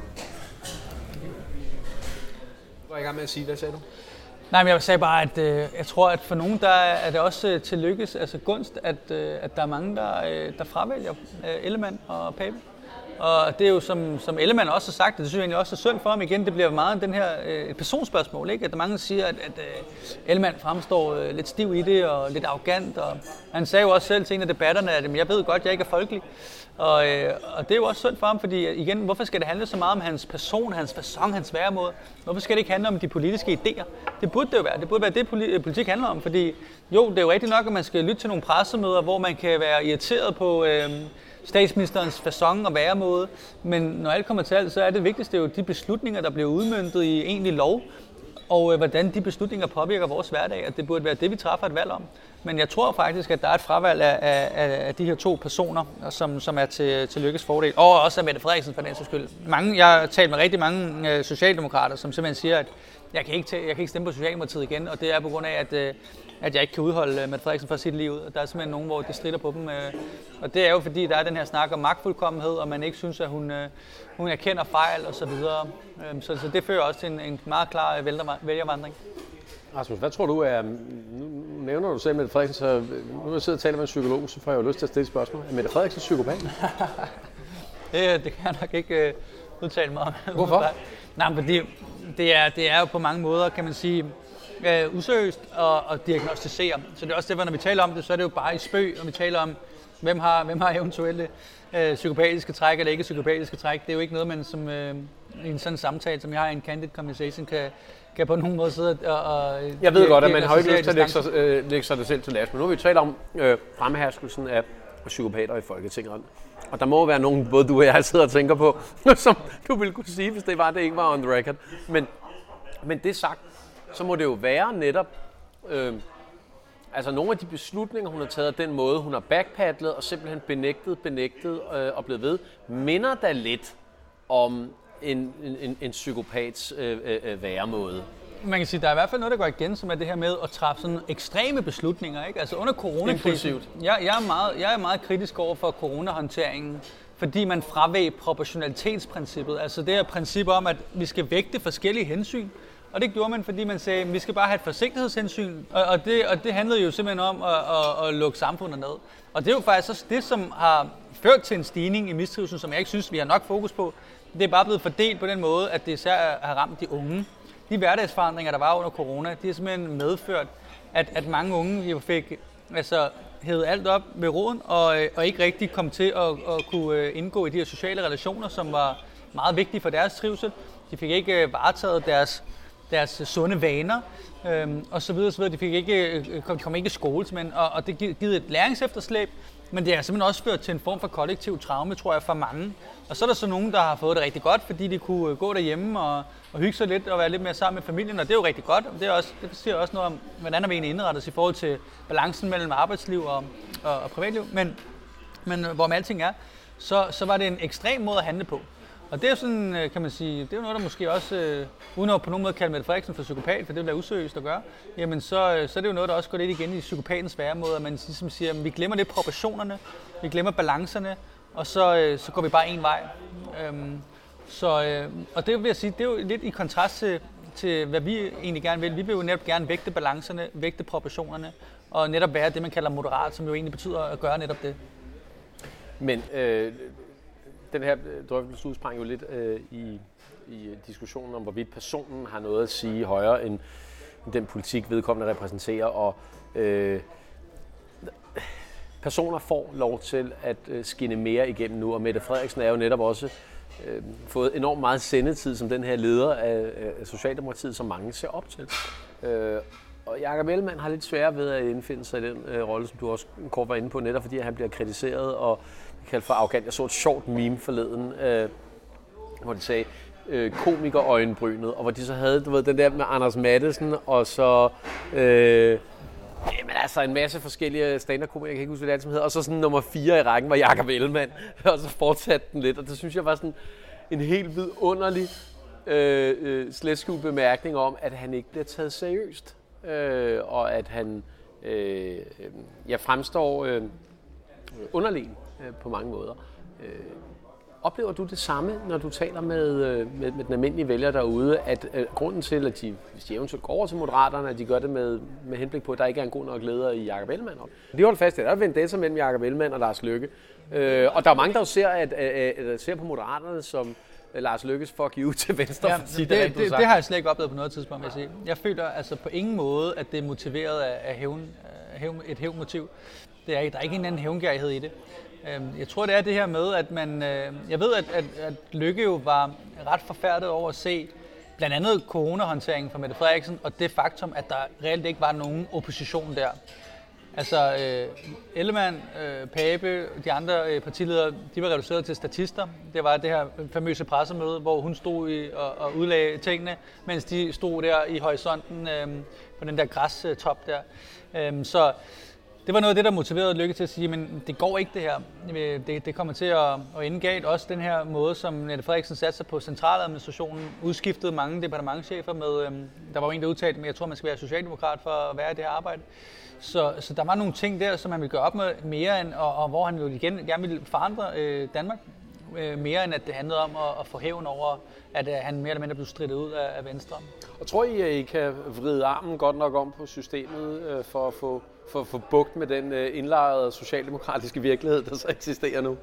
Jamen det bliver spændende, hvad der kommer til at ske. Jeg tænker også sådan, øh, altså nogle af de departementchefer, der er nogle af de mere markante, jamen kan de bare fortsætte? Der er jo nogen, hvor man associerer dem lidt med at, at være øh, mere eller mindre, øh, altså i hvert fald sympatisere med måske Socialdemokratiets projekt, ikke? Så, øh, men altså, igen, det, det er jo alt sammen noget, der, der taler ind i det her, øh, altså det her med at handle ekstremt, ikke? Det er jo, det er jo noget, som Barbara Bertelsen jo mener, at en øh, departementchef skal ligesom virkelig gøre øh, statsministerens øh, eller ministerens øh, ønsker og gøre, hvad de kan for det. Hvor før, der havde man jo mere sådan checks and balances tilgang, hvor man prøvede lidt at agere bremseklods. Så gør hun jo lidt det modsatte, og jeg har i hvert fald hørt Lykke udtale sig om, at øh, hvis det havde været den foranværende departementchef i statsministeriet, Christian Kjeld Thomsen, der havde siddet der under coronakrisen, så havde vi ikke set den, øh, så havde vi ikke set nogen minkskandal i hvert fald. Fordi så havde der været nogle stopklodser øh, i det. Så, så det bliver spændende, hvad der, hvad der skal ske med, med hele embedsværket efterfølgende, nu når der har været den store forandring, om man så skal prøve at ændre tilbage, eller man, øh, hvis nu øh, i fald, at det bliver Ellemann, der bliver statsminister, og Venstre, der sætter sig på det, eller konservativ i høj grad, om de accepterer at køre videre med, med de her, som nogen har en, i hvert fald en teori om, har en mere eller mindre socialdemokratisk affiliation. Ja. Men øh, som man siger, erfaren mand er hver gæster, og det kan jo være, at vi får lykke en gang øh, øh, mere ind i statsministeriet, så må vi se, hvordan det spiller ud i hvert fald. Men apropos erfaren mand er, er hver gæste. Rasmus Lund Nielsen, tillykke med fødselsdagen. tak fordi du kom. Mange tak. Du lyttede til Power Lunch. Mit navn er Nikolaj Bonin Rossen. Programmet var tilrettelagt af Annette Halstrøm. Tak fordi du lyttede med.